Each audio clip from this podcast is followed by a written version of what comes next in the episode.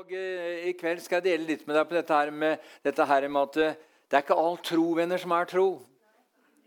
Og jeg har eh, tenkt mye på det de siste dagene at, at, at eh, alt er mulig for den som tror. Men hva slags tro er det som det er allting mulig for? Og For at det er klart en rettferdig skal leve av og ved tro. Og, alt er jo helt rett. Men tro er Vi skal se, se litt i kveld på dette her, at det er ikke den teoretiske troen som gir oss del i Guds, Guds velsignelse og Guds løfters oppfyllelse, men det er den troen som kommer ut fra vårt hjerte. Det har med hjertets tro å gjøre. Og eh, bare for å avslutte det med 71, det er 7 pluss 1 er jo 8. vet du.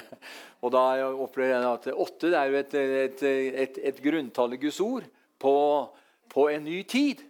Amen. Det var åtte sjeler i alt som ble frelst gjennom mannflommene med Noahs hus. Det var åtte stykker. Ikke sant? Og Så kom Gud og kalte Abraham. Og så så vi da at han innstifta eh, pakten, eh, blodspakten, eh, nemlig omskjærelsen. Og da fra dag av skulle alle guttebarn fra den åttende dagen omskjæres. Ikke sant? Og vi ser, og vi ser mange, mange eksempler på det. og Vi kan ta det helt fram til, eh, til avslutningen av denne tidshusholdningen og neste tidshusholdning, nemlig tusenårsriket. Da har det gått 7000 år. Så kommer vi til åttende årtusene. Da går vi inn i en ny tid. Amen. Og jeg tok det til meg sånn, sånn privat, personlig profeti til meg sjøl. Ja, kan du profetere over deg sjøl? Ja, du kan det, vet du. Ikke sant? Så jeg profeterte på meg sjøl i går og sa da at Arne, nå er det på vei inn i en ny tid. Amen. Skal høyere opp. Amen. Det spiller ingen rolle hva Per og Pål og Anders og Jensen måtte si, men det er, det er ditt forhold til Jesus. Og Jeg er helt overbevist venner, av hele mitt hjerte at vi, på, at vi skal inn i en ny tid nå. Amen. Vi skal opp i høyden og begynne å høre, begynne å løfte vingene som ørnen. Og så skal vi få lov til å trekke til oss av den salvelsen og kraften som fins der ovenfra i Kristus Jesus. Amen. Men før, vi, før jeg begynner å si at jeg skal si litt om munns bekjennelse, må være hjertes tro. Og I Hebrevbrevet 11 og vers 1-3 så leser vi egentlig hva tro er for noe. Uh, uh, Hebreerbrevet 11 og vers 1-3. Skal lese sakte. Men tro er full visshet. Altså full visshet. Er det noe tvil i det? Nei. Er det noe usikkerhet i det? Nei.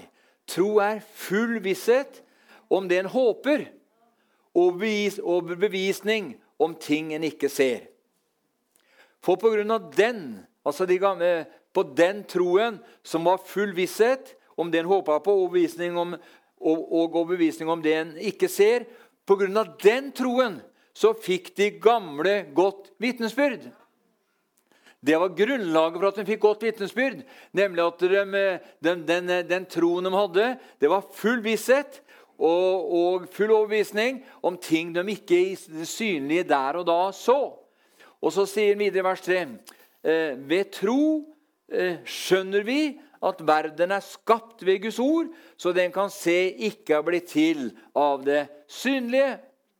Altså, ved eh, hjertets tro så skjønner vi, eller forstår vi, at verden er skapt ved Guds ord. Han talte, og det skjedde, han bød, og det sto der.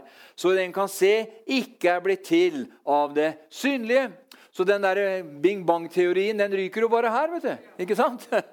Den ryker her. Så eh, fordi at ved tro så skjønner vi at verden er skapt ved Guds ord. Det var en som talte, og det skjedde. Han bød, og det sto der.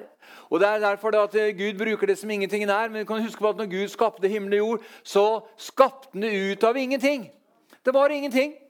Han, tok, eh, han skapte himmel og jord ut av ingenting. Så kan du si Gud er ekspert på å gjøre noe stort ut av det som ingenting er. Amen. Halleluja. Priset være Herrens navn. Så eh, vi kan si det sånn, eller? Venner, at troen det er på en måte selve substansen, eller fundamentet, som vi bygger vårt håp på, og den er av nåde. Ikke pga. at du og jeg er så prektige, at vi er så flinke, at vi er så dyktige og kan få til saker og ting. Nei, det står i Efesbrevet 2,5 at vi er frelst av nåde ved tro. Så det er ikke, ikke, noe, ikke noe, grunnlag for at, at det er pga. din og min dyktighet, men pga. Hans nåde. Amen. Hans godhet og barmhjertighet imot deg og meg, så er du og jeg frelst halleluja, av nåde ved tro. Altså, Du har sikkert hørt uttrykket at det er lov å håpe. Og det er det jo. Det er det. Det er lov å håpe. Men hvis ikke håpet venner, er bygd på grunnvollen, eller på, på altså grunnvollen som er tro, så er det ikke sikkert at man får sitt håp oppfylt. Men jeg må legge til det, du kan ha flaks, da. Kan være, det kan være at, at, du kan, at, du, at, du kan, få det likevel. Ikke sant? Det blir nesten som å spille på tipping eller på Lotto. Eh, du håper du skal vinne. Men det er ikke sikkert, fordi det håpet ikke er bygd på tro. Dvs. Si en overbevisning i hjertet om at jeg vinner i morgen. Det er et, det er et det er, Du håper. Kanskje jeg får en tolver, kanskje jeg får et lottogevinst. Kanskje. Det er, noe, det, er noe, det er ikke noe sikkert i det. Men jeg vet om en, en kar en gang som mangla 2400 kroner. og så skulle Han skulle avslutte, eh, og han, og han skulle reise, reise, ut av byen her.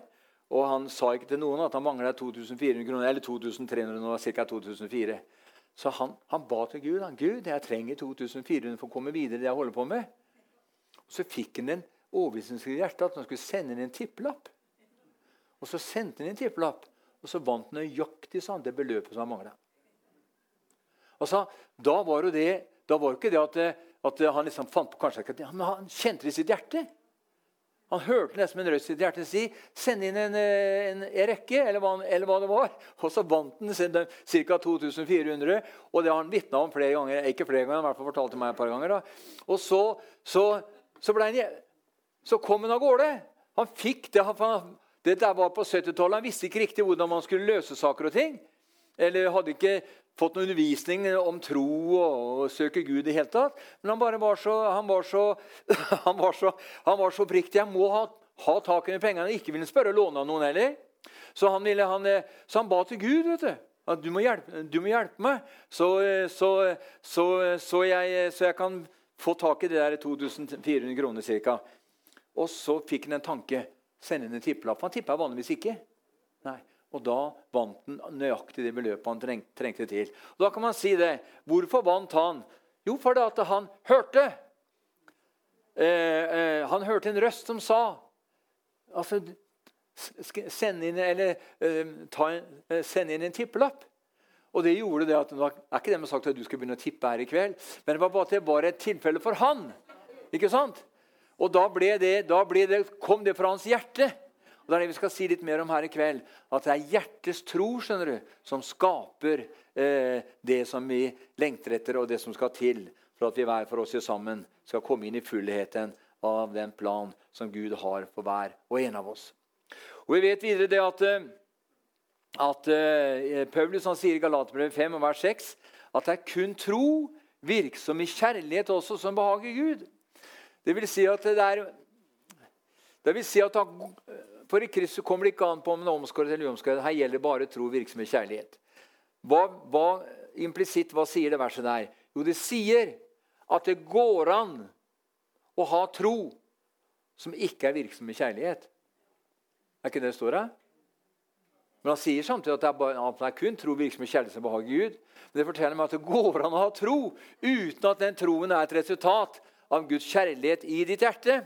For Romere 5.5 slår jo fast at Guds kjærlighet er utøst i våre hjerter ved Den hellige ånd som er oss gitt. Ikke sant? Den er der allerede, men du og jeg må begynne å praktisere den grad av kjærlighet som Gud allerede har deponert ned i våre hjerter ved Den hellige ånd, som er oss gitt. Så du vet at Den er utøst i våre hjerter. Så nå kan det vil si at når eh, Den hellige ånds eh, kjærlighet er utøst i våre hjerter, og troen kun er virksom i kjærlighet, så går det an og, og, og, og, og ikke balansere, så går det an å samkjøre disse to her. Troen og kjærligheten i våre hjerter ved Den hellige ånd kan føre til at du og jeg begynner å vandre i den troen som er full overbevisning om den ikke ser. Jeg er full overbevisning om at Gud kommer til å fylle det lokalet her ti ganger. Minimum. Det er bare et lavt tall, altså. For jeg har sett i ånden at Gud skal gjøre storverk. Han skal sende mennesker av alle slags, eh, av alle slags typer med alle slags sykdommer. Og Herrens kraft skal sette dem fri. Amen. Og det var som eh, Leo leste her, at det var ilden som tar bort alt vårt eget, Leo. Og den, skal, den, har jeg, den har jeg kjent helt siden jeg var nyfrelst. At det er ilden skjønner du, som renser oss, som fornyer oss og istandsetter oss og tar bort det i våre liv som vi selv ikke er i stand til å klare å ta i tur med på egen hånd. Og da er neste, neste eh, overskrift som er skrevet her Kjære venner, jeg har skrevet Guds plan for sitt folk er at vi skal innta landet. Vi skal innta landet! Amen.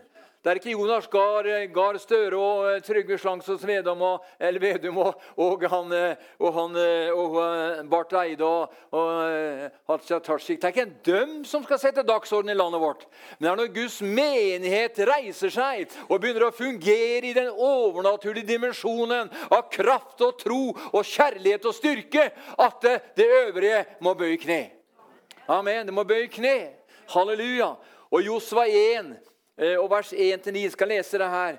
Eh, eh, hvordan Josva fikk beskjed om å innta landet. vet du. Han, Josva kapittel 1 og fra vers 1 til 9. Så ser vi her. Da Herren tjener Moses var død, sa Herren til Josva, Nuns sønn, Moses tjener. For eh, Josfa var jo Moses' tjener. 'Moses, min tjener, er død', sier Gud. 'Gjør deg nå klar til å gå over Jordan, du og hele dette folket, inn i det landet som jeg vil gi Israels barn.' 'Hvert sted dere setter foten på, gir jeg dere, slik jeg sa til Moses.' Fra ørkenen og Libanon helt til den store elven Frat, over hele Hetittenes land og helt til det store havet i vest, skal deres land nå. Ingen skal kunne stå seg imot deg, Josva, alle ditt livs dager. Liksom jeg var med Moses, vil jeg være med deg. Jeg vil ikke slippe deg og ikke forlate deg. Men det å ikke slippe deg og ikke forlate deg, det har vi også løfte om i Hebrevbrevet. Det gjelder også deg og meg i dag. Eh, ingen skal, jeg skulle se, eh, Vær frimodig og sterk, for du skal skifte ut til arv blant dette folket til land som jeg med ed lovte deres fedre å gi dem, nemlig Abraham. Vær du bare riktig frimodig og sterk, så du legger vind på å gjøre etter hele den loven som Moses, min tjener, lærte deg. Vi ser her forutsetningen er at han må legge vind på å gjøre etter hele den loven som Moses, min tjener, eh, lærte deg, Josua. Vik ikke fra den, verken til høyre eller til venstre, så du kan gå klokt fram i alt det du tar deg fore. Denne lovens bok skal ikke vike fra din munn. Du skal akte på den dag og natt, så du akter vel på å gjøre etter det alt det som står skrevet eh, i den. Da skal du ha lykke på dine veier, og du skal gå klokt fram. Har jeg ikke befalt deg? Josva, vær frimodig og sterk. Frykt ikke og vær ikke redd, for Herren din Gud er med deg i alt det du tar deg fore. Venner, Vi ser her at Moses, eh, Herrens tjener, var død. Og Josva, Moses tjener, han skulle nå han fikk i oppdrag å føre folket over, over, Jordan og inn i det lovede landet, som egentlig Abraham ble lovet for over 400 år i forveien.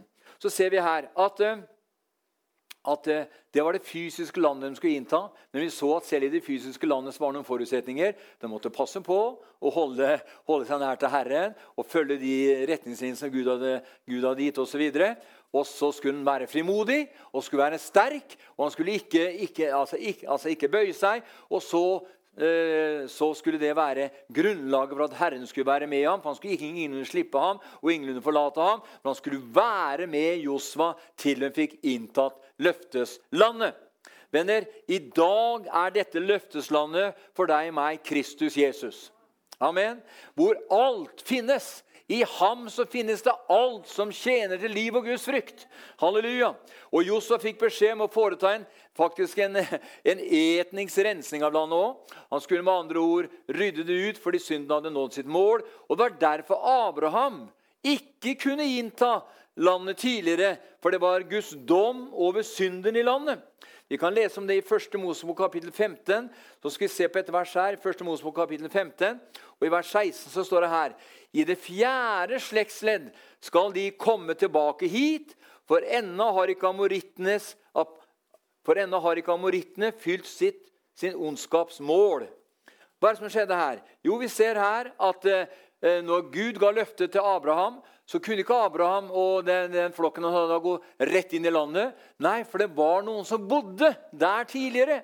Det var amorittere, titer, alle disse her, men det var at de var syndere eh, og eh, holdt på med saker og ting som var en vederstyggelighet i Gud Faders øyne. og Derfor måtte måtte, kunne ikke Gud. For Gud han, eh, han har satt en dagsorden, eller et tidsramme for alle ting. Og han hadde også satt et tidsramme for hetittene der i Kanans land. Og den ramma måtte gå, tiden måtte gå. For at, for at, Gud kunne eh, tillate at de som bodde der og eide landet Det var nemlig kjempene som bodde der, anakittene bl.a. Eh, det var de som var mellom tre og fire meter høye. Så det var svære skapninger som bodde der. Og, eh, og, Der holdt de på med litt av hvert. Men det som var at de kunne nemlig ikke Josva kunne nemlig ikke innta landet før synden hadde nådd det nivå som Gud i sitt hjerte hadde bestemt. Og når synden hadde nådd det målet i Kanas land, som Gud Herren hadde bestemt, så var det marsjordre. Da var tiden inne til å innta landet. Og vi ser jo at vi skal gå inn på når vi ser at det, det, det, landet skulle renses, renses osv. Det var en etnings, etnisk rensing av landet som, som, med andre ord skulle ryddes ut. fordi som jeg leste her, synd hadde nådd sitt mål, og var derfor Abraham ikke kunne innta det tidligere. Fordi det var faktisk Guds dom over synden i landet, som vi leste her i 1. Mosebok 15 og vers 16. Men videre La oss se her. Videre er et, et, eksempel til her. Videre ser vi at Israels overtakelse av landet ikke var pga. jødenes rettferdighet. Det var ikke fordi de hadde vært så flinke, ikke fordi de hadde vært så dyktige, eh, men fordi Gud i tidligere tider hadde gitt løfte, landløfte til Abraham. Og Det sier han her i 5. Mosebok eh, eh, kapittel 9. I 5. Mosebok kapittel 9 så skal vi få se, se det her beskrevet i 5. Mosebok eh, kapittel 9 og vers 1-7. Hør, Israel, du går nå over Jordan. Det er, altså, det er i forbindelse med Josfa, eh, når han skal førte folket inn. For å komme inn og underlegge deg folk som er større og sterkere enn du. De har store byer med murer som når til himmelen. Det er et stort folk og høyt av vekst, anakittenes barn. Du kjenner dem selv, og du har hørt hva som blir sagt om dem. Hvem kan stå seg mot Anaks barn? Så skal du vite i dag at Herren din Gud, han som går fram foran deg, som en fortærende ild, han skal ødelegge dem, han skal ydmyke dem for deg, så du raskt kan drive dem bort og gjøre ende på dem, slik som Herren har sagt til deg, Josva. Når nå Herren din Gud driver dem ut for deg, må du ikke tenke som så. Det er for min rettferdighets skyld Herren har ført meg inn i dette landet og latt meg få det til eiendom. Nei, det er for deres ugudelige skyld Herren driver disse hedningene ut for deg. Ikke for din rettferdige skyld eller for din oppriktige hjertes skyld kommer du inn i deres land og tar det eie. Men det er for deres ugudelige skyld Herren i Gud driver disse hedningene ut for deg, for å holde det løftet Herren med ed har gitt dine fedre, Abraham, Isak og Jakob så skal du vite at jeg ikke for din rettferdighets skyld kommer igjen. Herren Gud gir deg dette, dette gode landet til leie, fordi, for du er et hårnakka folk. Kom i hu, og glem ikke hvordan du vakte Herrens, Herren Guds vrede i ørkenen. Like fra den dagen du gikk ut av landet Egypt, og til dere kom til dette stedet, har dere vært, har dere vært gjenstridige mot Herren. Vi ser her at det var ikke pga. folkets fortreffelighet. Det var ikke pga. folkets dyktighet og oppriktighet og hengivenhet til, til Gud Fader at Gud lot dem få landet, men det var pga. løftet til Abraham, Isak og Jakob. Det var, det var grunnlaget. Ja, noen kan tenke, ikke sant? Det det var, det var grunnlaget. Men på samme måte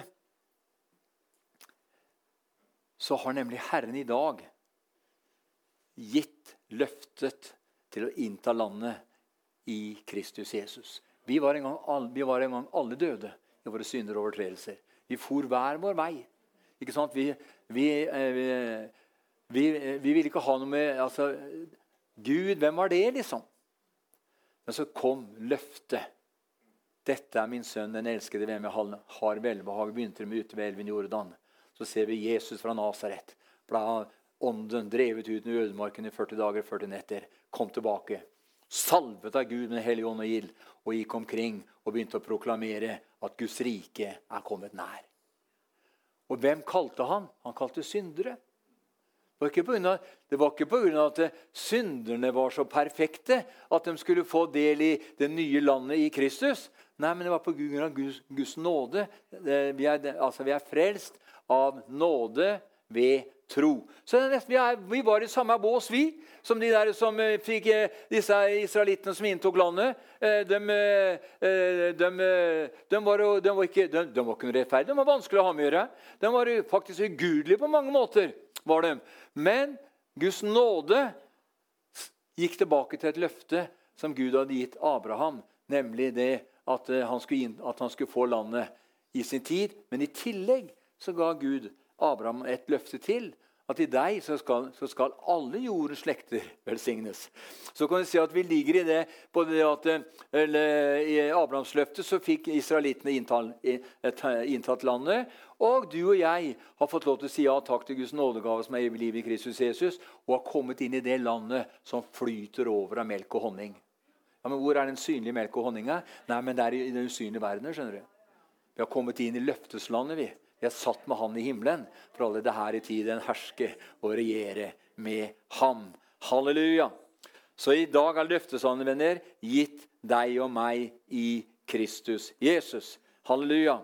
Og det handler om at Når du og jeg sa ja takk til Jesus Kristus, så handler det om at Kristus han vil overta mer og mer i ditt og mitt liv, slik at eh, vi blir hans, og da blir alt hans vårt. Halleluja. For jeg hørte, hørte Den, den hellige ånd si på morgenen da I den grad du gir deg til meg, sa Herren, så gir jeg meg til deg. Så enkelt er det. Og Hvis jeg gir meg 40% til Herren, så kan ikke jeg forvente å få 100% tilbake.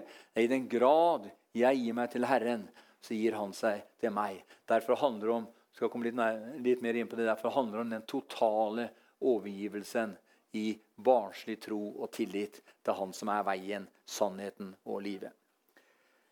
Det står I Hebrevet 4,2 så står det Men ordet som de hørte, ble dem til ingen nytte.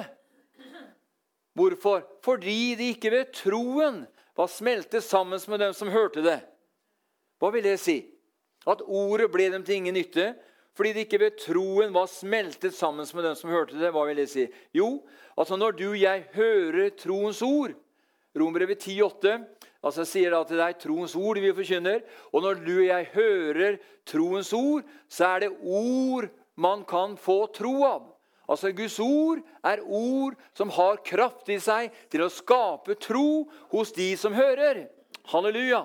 Så, og, det blir ikke, og, dersom, og eh, og, man, eh, og, dersom det ikke blir tatt imot i våre hjertevenner ved tro, så blir ordene som kunne gitt oss, eller blitt oss til hjelp, til ingen nytte. Du kan høre så mye Guds ord, du kan høre så mye om løfter, men hvis ikke ved troen blir smeltet sammen i hjertene våre, så hjelper ingenting. Det er det samme som vi ikke har hørt det. Du får ikke noe hjelp ut av det. Og det her jeg tenker vi tilbake til 80-tallet og begynnelsen på trosvekkelsen. og alt dette her. Vi takker Gud for alt det som kom der. Men det ble en overvekt på bekjennelser. Og bare du liksom bekjente nok vet du, Folk bekjente jo til krampa tok dem, holdt jeg på å si. Men hvis ikke, hvis ikke, hvis ikke, hvis ikke bekjennelsen er i overensstemmelse med hjertets tro, så blir det bare en teoretisk uttalelse. Og det er noe av det her som Gud vil at vi skal, eh, skal uh, la være der. Og så skal vi komme inn i den dimensjonen hvor troen vår er den fulle visshet. Amen. Halleluja. For jeg lengter etter jeg, jeg kan ikke, her, Nå, nå døde jo Geir Skara. Skåra han var snart 62 år og fikk kreft for et par år siden. Og, altså, kreften gikk av med seieren. La oss være ærlige. Kreften gikk av med seieren. Eh, og, men eh, Det er derfor vi trenger budskapet om hjertets tro. Kommer mer inn på det her. så det virkelig kan bli det vi sier. Han talte, og det skjedde. Han bød, og det sto der. Og Jesus Kristus han var verksmester i Faderens kjød når han skapte himmel og jord. Og Jesus han er troens opphavsmann og troens fullender. Halleluja! Og han har flytta ved troen inn i ditt og mitt hjerte. Så Derfor er det det å pleie livsforholdet med Jesus Kristus venner, det gjør at hjertet vårt blir mykt. Det blir oppløya. Det blir, det blir ikke et hardt hjerte, vi kommer tilbake til det også, men det blir mottakelig for det som kan skape liv, og liv i overflod i dager som kommer. Amen. Noen tror at det som har med tro å gjøre, er så strevsomt. For en som sa at det med trosgreiene det, er så, nei, det makter jeg ikke å følge med på, for det blir så slitsomt. Men skjønner at da har man, har man misforstått. For du skjønner at Det som har med tro å gjøre, har ingenting med eget strev å gjøre. Har ingenting med slit å gjøre. Vet du hva Rombrevet 6,23 sier? At Guds nådegave er evig liv i Kristus Jesus. Det vil si, alt er av nåde, og ingenting er et resultat av eget strev. Og, eh, og eh, Ordspråkene 10 og vers 22 sier at det er Herrens velsignelse som gjør rik. Eget strev legger ingentingen til. Ja, men jeg har holdt på jobben min og streva og fått det til. Ja, men det er på det planet. Men det som har med Guds rike å gjøre, og det som har med åpenbaring i Guds ord å gjøre, det som har med kraft å gjøre i Guds rike å gjøre, det som har med åndelige gaver å gjøre, det som har med alt som har med Guds rike å gjøre, handler ikke om eget strev. Det handler om, uh, handler om nåde fra Gud, uh, og handler om at for, at, uh, for alt er av nåde, og eget strev legger ingenting til. Det er nemlig Herrens velsignelse som gjør rik, som, eh, som Salomo sier i Ordspråkene 10.22. Og eget strev legger ingentingen til. Og Det er derfor Salomo også sier i Predikantens bok, kapittel 3, vers 11.: Alt gjorde Gud skjønt i sin tid. Alt. Alt gjorde Gud skjønt i sin tid. Også evigheten nedla han i ethvert menneskes hode. Nei, hjerte. Han hadde hjerte, skjønner du. Og, det, det er, og det er derfor hjertet er så viktig. Det står noe om bevar ditt hjerte framfor alt, alt, det som bevares. For selve livet utgår fra det. Så vi vet at alt, alt gjorde Gud skjønt i sin evigheten nedland i ethvert menneskes hjerte. Og det står faktisk i første Mosebok eh, eh, i forbindelse med skapelsen av menneskehet, så står det at, eh, at Herren eh, I første Mosebok kapittel 1, av vers 26 og 27 så står det at Herren skapte mennesket i sitt bilde. Til mann og kvinne skapte han dem. I sitt bilde. Der. Gud sa la oss lage mennesker i vårt bilde, så de ligner oss. De skal råde over fisken i havet og fuglene under himmelen, over fet og alle ville dyr og alt krypes, og det som kryper, og det som, kry, og som det kryr av på jorden. Ikke sant?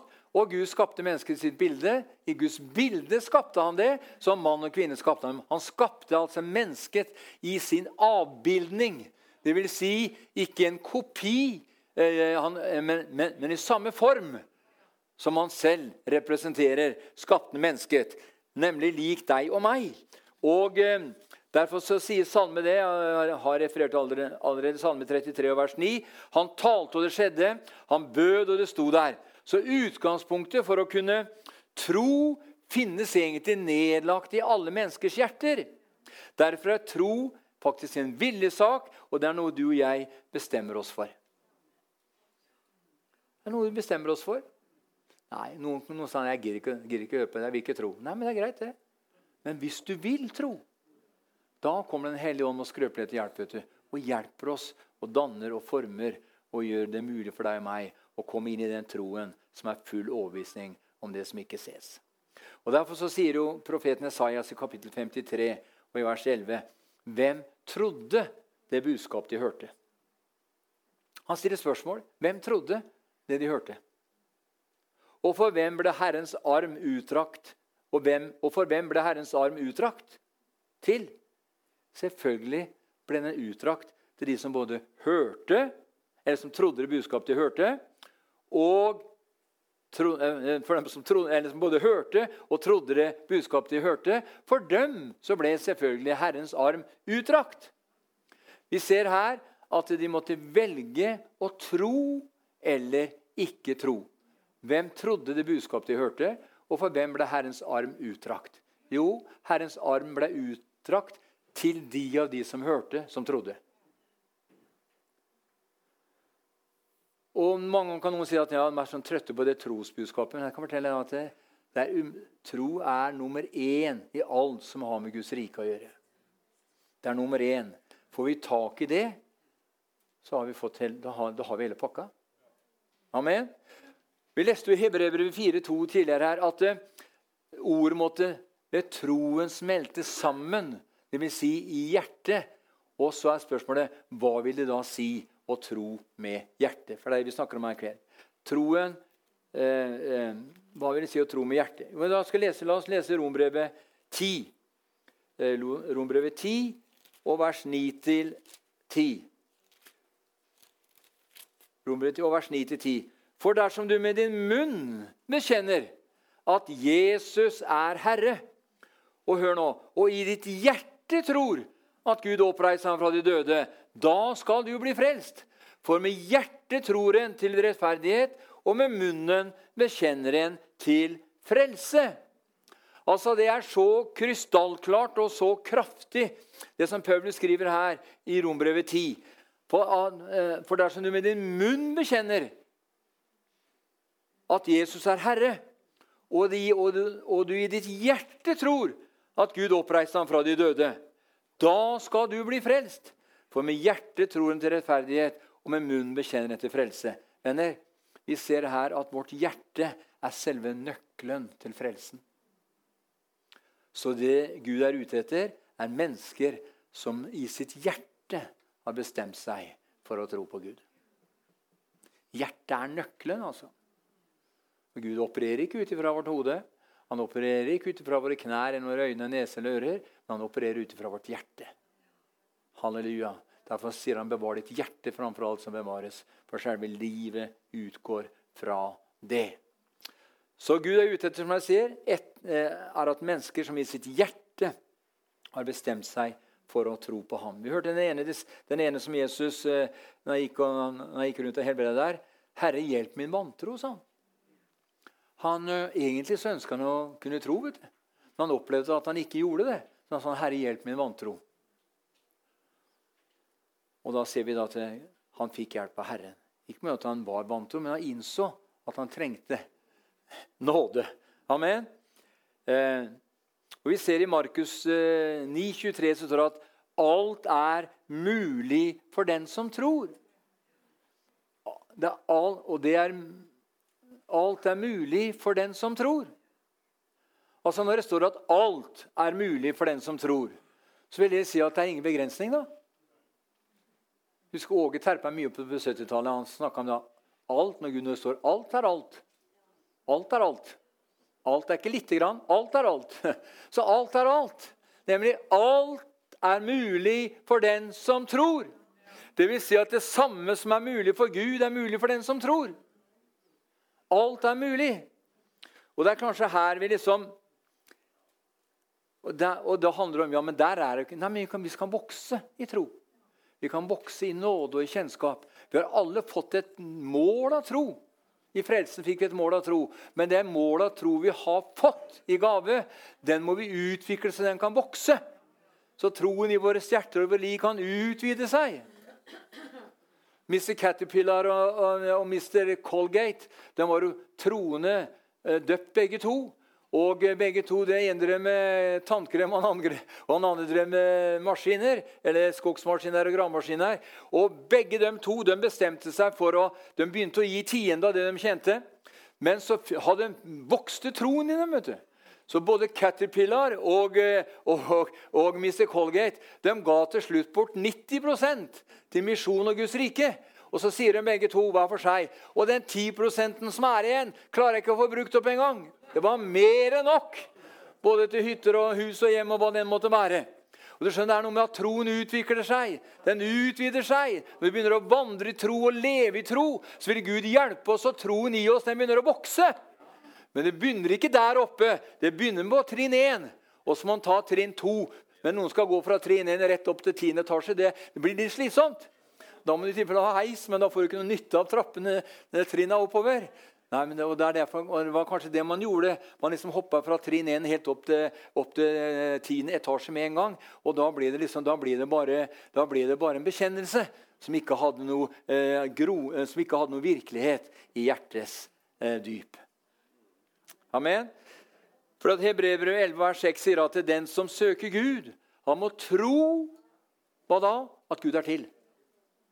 Han må tro at Gud er til, og at han lønner den som søker ham. Han lønner den som søker ham. Men før vi går videre, skal la oss ta en liten kikk bak i historien og se hvordan Herren så på mennesker i den gamle pakt. I 2. krønikebok 16 vers 9 står det Herrens øyne farer over den ganske jord. Jeg har sikkert hørt det skriftet mange ganger. Farer over den ganske jord for å kraftig, står det, støtte den hvis hjertet er helt med ham. Hva ser vi ut fra det verset? Herren er interessert i hva som er i våre hjerter. Han er interessert i hva som er i våre hjerter. Halleluja! Og I ordspråkene 4, 23 så står det Bevar ditt det har jeg allerede referert et par ganger, bevar ditt hjerte fra alt som framfor. Fremfor, altså. Først av alt. Bevar ditt hjerte framfor alt som bevares, for selve livet utgår fra det. Halleluja. Vi ser her, venner, at eh, hjertet er livssenteret både for vårt fysiske og vårt åndelige liv. Både vårt fysiske og vårt åndelige liv. Eh, og Salme 17 og vers 3 sier, 'Du har prøvet mitt hjerte'. Ja, Men tester Gud, da? Ja, Gud tester. Gjør han det i 2022? Ja, han gjør det. Mer eller mindre i forskjellige grader. Han sier at 'du har prøvet mitt hjerte og testet det om natten'. 'Du har ransaket meg, men du fant intet'. Men du fant ingenting. For min munn viker ikke av fra, dine, fra mine tanker. Vi ser her at David sier, 'Min munn viker ikke fra mine tanker'. Dvs. Si munnens bekjennelse i overensstemmelse med hjertets tro. For vi må huske på det at hjertet er fylt av venner. Det taler munnen. Er mitt hjerte fylt av, eh, av OL, så er da taler jeg om OL. ja da. Men jeg kan bare love, bekrefte for deg her i kveld at mitt hjerte har ikke en dråpe, det er ikke en dråpe olje i mitt eh, hjerte som har med OL å gjøre. Ja, Men er du sprø, da? Nei, men jeg bare, det interesserer meg ikke bare. For verdens største, verdens største egoistiske arena er, er den idrettslige arenaen. Er vi klar over det? Men nok om det. Det er fint at du følger med og alt og sånt. Men, at, men at det, det er bare det at det, det hjertet er fylt av, taler munnen. Og er du bare opptatt med biler, så taler du bare om bil. vet du. Ikke sant? Men er ditt hjerte opptatt med det som har med Guds rike å gjøre, og som har med Jesus og Gud og Den hellige ånd å gjøre, da taler vi om det som har med Guds rike å gjøre. Halleluja. Det er derfor profeten Malakia han sier at, han sier at, han sier at en, av, en av eh, skriverne i himmelen, en sånn, en, en sånn eh, skriver fra en engel i, i himmelen som, som skriver minne, Det er mange minnebøker i himmelen. vet du. Ja, Gud skriver minnebøker. Han gjør det. Ja, han skriver minnebøker. Så han, eh, han sitter ikke der og skriver. Han har sånn han, han er enda flinkere folk, han er en som sitter på Stortinget og, og stenograferer. så, så han, når han hørte står når han hørte hva de talte om, så vinka han på en, så han på en sånn en skriver. Så sa han, 'Skriv ned hva de snakker om', han. I minneboka. For de snakker om det som hører til meg til, sier Herren. Amen. Og når du og jeg snakker om det som hører Guds rike til, skjønner du Halleluja! Det betyr ganske helt at han som begynte det nye livet i deg, han har til hensikt å fullføre. Amen. Halleluja. Jeg var sikker på at det betydde det. da. Ja, jeg er sikker på det. Halleluja. I Salme 66, vers 18 så står det Dersom jeg hadde urett for øyet i mitt hjerte, så ville Herren ikke høre meg. Da ville Herren ikke høre. Men det vi ser er at et rett hjerte er en forutsetning for at Herren skal høre. Dette gjelder faktisk på alle områder i våre liv. Ja, men Er det ikke bare 'Nei, frelst, nå kan jeg kjøre løpet sjøl? Liksom? Nei da. Ja, jeg er frelst, nå må vi la Han kjøre løpet gjennom oss. For etter at jeg ble frelst og født på ny, så tilhører vi ikke nemlig lenger oss selv lenger. Da gjør jeg ikke det, sier du. Jeg er rødstrømpe, jeg er jo for likestilling. Jeg er ikke for likestilling. Det er helt umulig å, å likestille mann og kvinne. Presteskapet i Norge, biskop, biskop ja, skal ikke si det, De sa i forbindelse med endringen av Fader vår så sa de egentlig så liker vi ikke at det står Fader vår. Så det var forslag oppe på vår mor og far i himmelen. De tror det er likestilling i himmelen. vet du. Jeg mener, hvilket, hvilket nivå er det store deler av kristenheten lever på?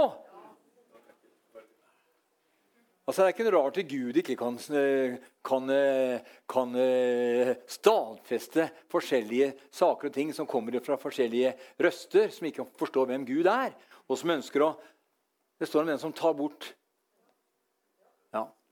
vil ikke gå inn på det. Det er alvorlig nok, det. Og den som forfører en av mine minste små, står det. Og hvem er han? Det er deg og meg, det. Vi er han som har tatt imot evangeliet om Jesus Kristus og blitt frelst og født på ny. Den som forfører en av disse, var bedre for den personen sier Jesus, som var bundet en kvernstein rundt hans hals, som var senket på havets dyp. Så Guds ord er radikalt. Så der, Vi må ikke tro da at evangeliet er så, det er så løssluppent så det, her, det slipper gjennom alt. liksom. Virkeligheten hennes slipper ikke gjennom alt. Nei, for Guds ord er radikalt. Det er Gud som taler gjennom sitt ord. Og Hvis jeg tror jeg kan sette meg over Guds ord, da har jeg på en måte gjort som Lucifer.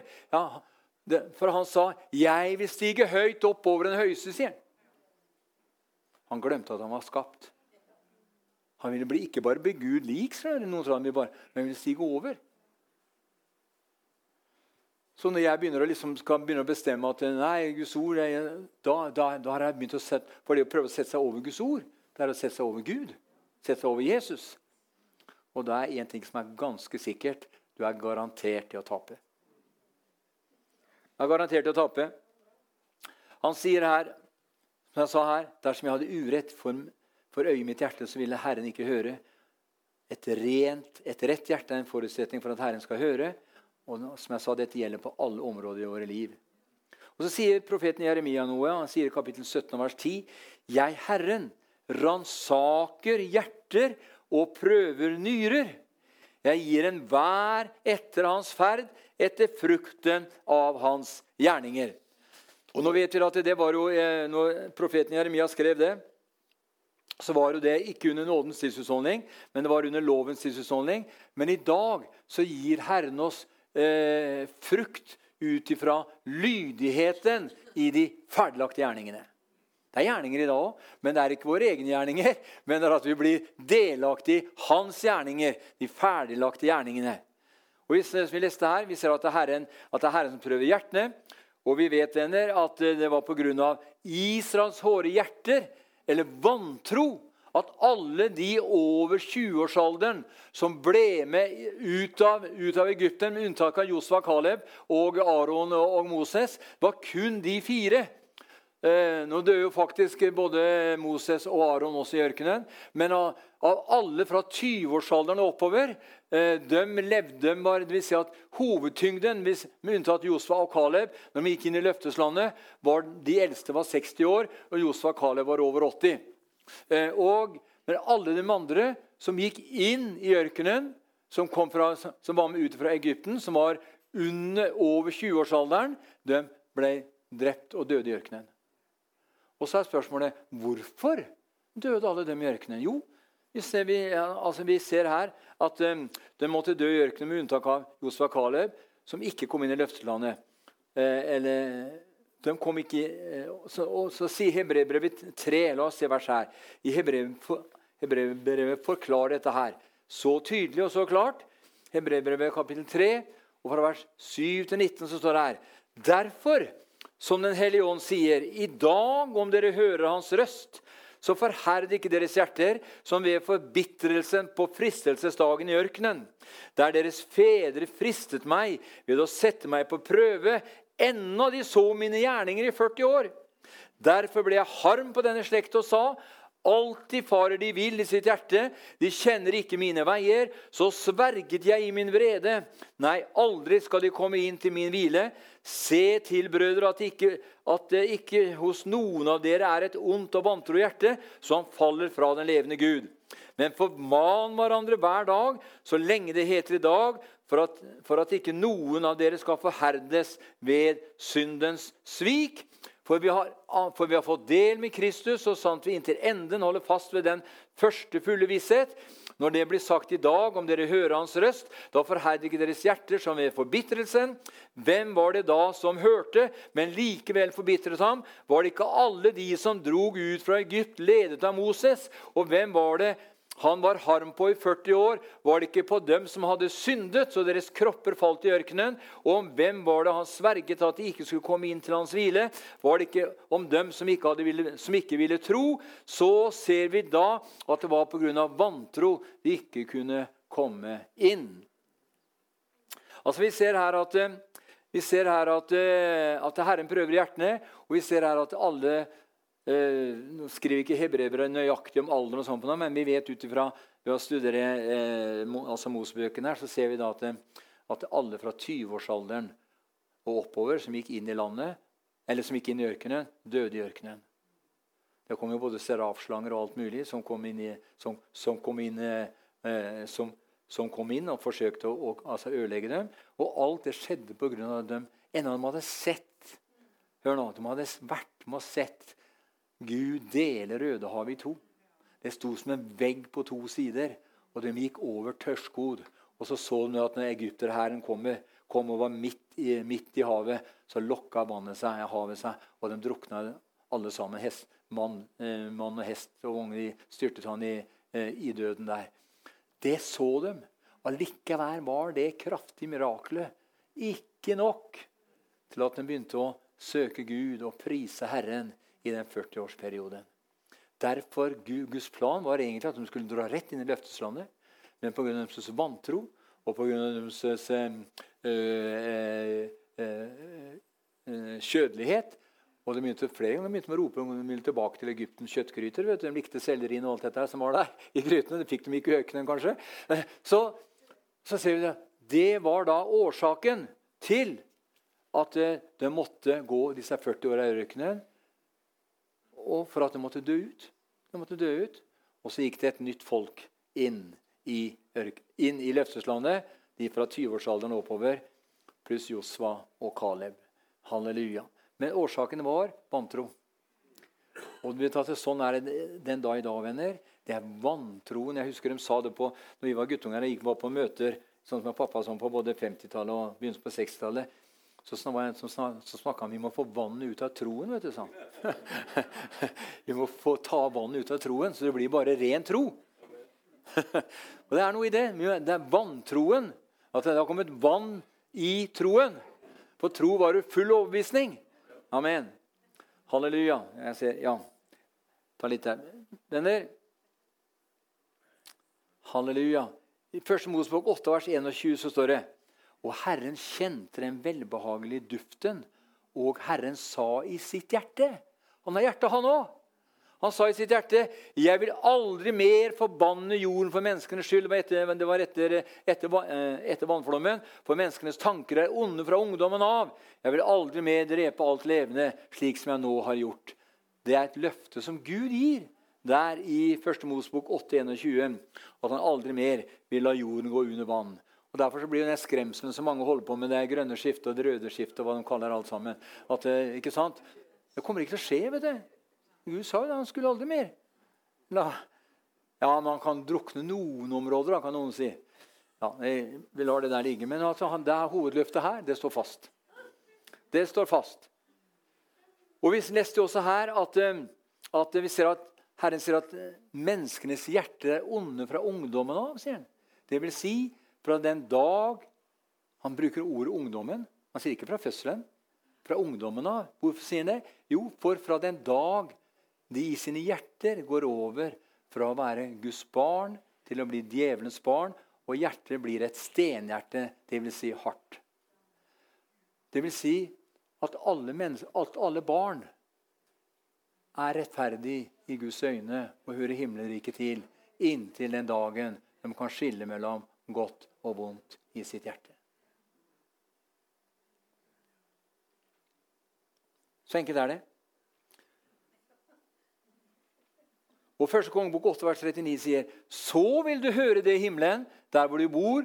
Du vil tilgi og gripe inn og gi hver mann etter hans ferd, fordi du kjenner hans hjerte, for bare du kjenner alle menneskebarns hjerter. Vet du at Menneskene vurderer hverandre ut ifra hvordan man ser ut i det, i det, naturlige. Øyer og hår og nese og tær og føtter og hele kroppen. Liksom. Men Gud ser aldri sånn. Gud ser på hjertet. Han ser etter hjerter. Halleluja. Halleluja. Og han sier også her Ordspråkene 15 og vers 11 står det Dødsriket og avgrunnen ligger åpen for Herren. Hvor meget mer da menneskenes hjerter? Det som betyr mest overfor Gud, venner, når det gjelder deg og meg, er våre hjerter. Og en av årsakene til at vi som kristne ofte ikke ser mer enn det vi gjør av Guds kraft i våre liv, er at våre hjerter er opphengt i andre saker istedenfor i ham. Jeg må snakke til meg sjøl. Han snakka om den enken som ikke ga seg, vet du, som gikk opp til dommeren hver morgen. 'Gi meg min rett.' Og han bare avviste hver gang. Og til slutt så Men hun kom igjen dagen etter vet du, når kontoret åpna klokka åtte. Da satt hun på trappa. Herr dommer, sa jeg, vil ha retten min. Hun hadde rett, skjønner du. Men dommeren var stygg. Han var slem. Han ville ikke gi henne retten sin. Men til slutt så sa han til seg selv For hun ble mer og mer irritert. Også, vet du. Og så sier han til seg sjøl det er vel like godt jeg gir hennes, hennes rett. sier han. For ellers er det vel like før hun flyr opp i synet på meg. står i 1930-oversettelsen. Så fikk retten sin. Og så sier Jesus, 'Hør hva denne urettferdige dommeren sier.' 'Hvor meget mer skulle ikke da Gud gi dem deres rett, de som roper til ham dag og natt?' Og jeg husker jeg tenkte på det verset der for mange år siden. jeg tenkte at når Går an å rope til Gud dag og natta? Så fikk jeg det verset der fra predikanten her vel, hvor det står at 'jeg sover, men mitt hjerte våker'. Så det går an å legge seg og sove, skjønner du, så kroppen og sjelen kan sove. Men ånden skjønner du, den verken sover eller slumrer ikke. Den kan ligge her. Du kan våkne mye på natta og så ligger og ber i tunger. vet du. Da begynner det å bli sterkt. Amen. Da er ånden i funksjon. Eller du, kan og, eller du kan våkne og ligge og takke Gud for naboen din, han som har vært så vanskelig mot deg. det kan skje, det òg. For Gud elsker alle mennesker, og han vil at du og jeg på alle plan og på alle områder skal komme inn i fullheten av hans plan med våre liv. Men det står noe veldig interessant venner, i, i Hosea 7, vers 14. De roper til meg, men ikke fra sine hjerter. De roper ikke til meg av hjertet, men jamrer seg der de ligger. På korn og ny vin risper de seg opp. Det vender seg bort fra meg. Altså, De hadde problemer og vanskeligheter. Og da liksom skrek de om man måtte ha korn og vin. og alt dette her da. Men så ser vi at de roper til meg. De roper til meg, men ikke fra sine hjerter. De ropte ut ifra den fysiske, sjeliske, tilfredsstillelsesgraden i sine liv. Og Et annet sted der vel, jeg husker ikke akkurat hva det mest tror jeg Hosea som sier det, at eh, de vil ha alt som jeg har, men de vil ikke ha meg. De vil ha alle fordelene. skjønner du. Vi vil ha legedom, vi vil ha helse, vi vil ha kraft, vi vil ha styrke, vi vil ha nye biler, vi vil ha nye hus. Vi vil ha alt det som gagner meg. liksom. Men så sier jeg men de vil ikke ha meg. Så en del mennesker er, de vil ha alt som er å oppdrive, men de vil ikke ha han som er giveren. De vil ha alt som giveren har å gi, men de vil ikke ha kontakt med selve giveren. Og Det er det som er så viktig, og det er det Gud setter så stor pris på. det er at Når du og jeg er opptatt med Han som er giveren Amen. For all god og fullkommen gave kommer ovenfra, fra lysets Fader, står det hvor, det er ikke en forandring eller skiftende skygge. Så all god og fullkommen gave kommer ovenfra. Amen. Det står noe, det står noe interessant her i 2. Krønikebok 32, vers 31. så står det, Men da sendemennene kom fra Babels fyrster, som sendte bud til ham for å spørre om det underfulle tegn som har skjedd i landet, forlot Gud ham for å sette ham på prøve, for å kjenne hva som var i hans hjerte. Ja, Så kan noen si da, ja, men visste ikke Gud da hva som var i hans hjerte? Selvfølgelig visste Gud hva som var i hans hjerte, men av hensyn til kongens omgivelser og hvordan han taklet eller håndterte det å bli prøvet, ville bli sett av mange av de andre i hans rike, slik at de alle skulle få ærefrykt for kongen og prise kongens Gud. Og dersom motsatt hadde skjedd, så ville kongen miste Guds velsignelse, og folket ville bli usikre på Israels Gud og kongen. Halleluja. Halleluja. Han prøvde hva som bodde i kongens hjerte. Det var ikke først og fremst at Gud skulle prøve, at, var, at Gud ville, ville, teste det for sin egen del. Han visste jo det. Men hva for det omgivelsen av han, det var omgivelsen til kongen som skulle se at kongen sto fast. Amen. Og Sånn kan det skje med deg og meg òg. Du og jeg kan komme i en vanskelig situasjon. Vi kan komme i en prøvelse. Vi kan komme i en veldig vanskelig utfordring.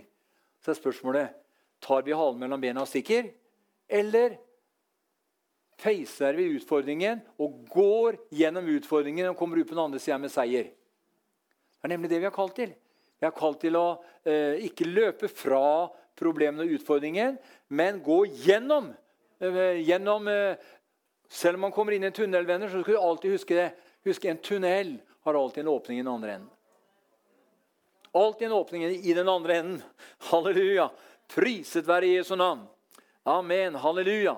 Venner, det står i Eseker 11 og vers 19-20. Og jeg vil gi dem et hjerte, og en ny ånd vil jeg gi i deres indre. Jeg vil ta bort steinhjertet av deres kjød og gi dem et kjødhjerte.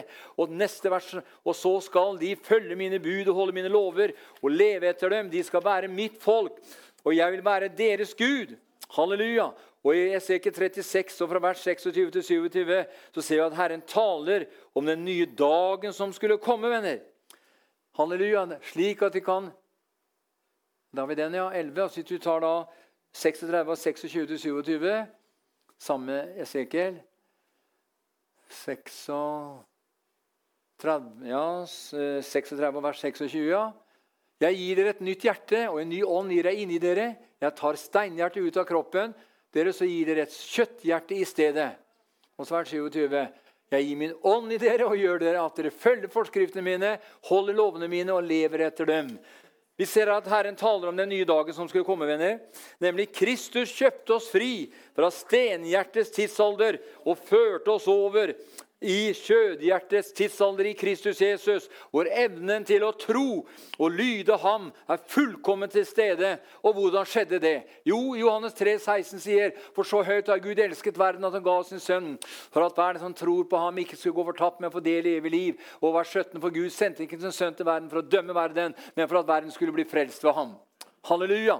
Og i Matteus 5,8 står det de rene av hjerte, de skal se Herren. Det er bergprekenen i begynnelsen der. Matteus 5, vers 8. De, og hvem er de rene av hjerte, da? Jo, det er de som tror på Jesus. For de har fått et nytt hjerte.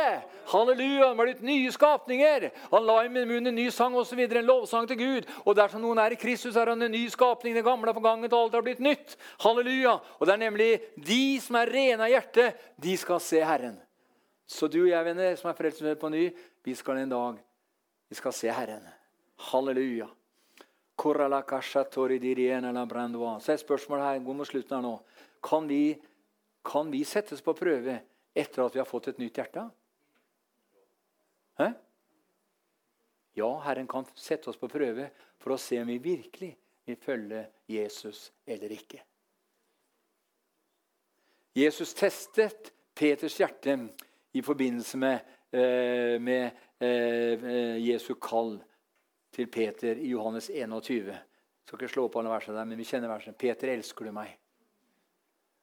'Ja, Herre, du vet jeg har deg kjær', osv. Så, videre. så kom det igjen annen gang. 'Peter, elsker du meg?' Og Da begynte Peter ja, men 'Jeg har jo svart på det', tenkte Peter da. Men allikevel så ser du Peter igjen. Ja, han svarer at han gjorde det, og så skulle han både fø lamma og skulle han fø fåra. Og tredje gang så ser vi det. Så kommer Jesus igjen og sier til Peter, Peter, Simons, eh, Simons han, elsker, elsker du meg mer enn dette? Venner, det er nemlig slik at om vi er frelst, så kan vi velge hvor mye vi vil gi av oss selv til Jesus. Jesus gav alt. Vil vi gjøre det samme? Vi kan velge selv om vi har fått et nytt hjerte. Så kan du se hele Guds ord, Det er summen av Guds ord som er sannhet. Så jeg kan ikke ta ut det som noen skriftsteder og lage en, lage en, lage en, lage en, teologi ut fra det. Paulus holdt ingenting tilbake som han forkynte hele Guds råd til frelse. Og, jeg, og, Det er et vers som har stått for meg over snart 40 år, eller over 40 år, at det er viktig at du tar fram alle sider i Guds ord. Det er noen som holder bare på med Johannes 3, 16 hele livet. vet du. Vi må komme videre. Vi må komme videre. Vi skal vokse opp til manns modenhet. Det er aldersmålet for, Krist, for Kristi fylde å bli en moden mann. Det er det vi har kalt der ovenfra i Kristus Jesus, venner. Og for at... Eh, eh og Hebrevet 4,12 sier for Guds ord er levende og virksomt og skarpere enn noe tveget sverd. Det trenger helt igjennom til det kløver sjel og ånd, ledd og marg, og dømmer hjerters Skjulte tanker og råd står i 30-årsettelsen, men, men dømmer hjertets tanker og råd. Amen. Guds ord er levende. Og mennesket lever ikke, eller, mennesket, eller, mennesket lever ikke av brød alene, men av hvert ord som går ut fra Guds munn. Og Jesus sa, 'Min mat er å gjøre Hans vilje som har sendt meg'. Og du skjønner at vi eh, og Guds ord er levende. Så vi lever ved Guds ord. Ved tro. Det er, et, det er levende. Og Filippe brevet 4,7 sier at Guds fred, som overgår all forstand, skal bevare våre hjerter og våre tanker i Kristus Jesus fra nå av og til evig tid. Halleluja. Helt til slutt, her, venner. Jeg leste det tidligere her. Håpet gjør eh, Rombrevet 5.5. For håp gjør ikke til skamme. Guds kjærlighet er utøst i våre hjerter ved Den hellige ånd, som er oss gitt. Venner, husk, som troende har du og jeg fått del i Guds hjerte. Vi har fått del i Guds hjerte slik at vi kan tro på det som kommer fra ham.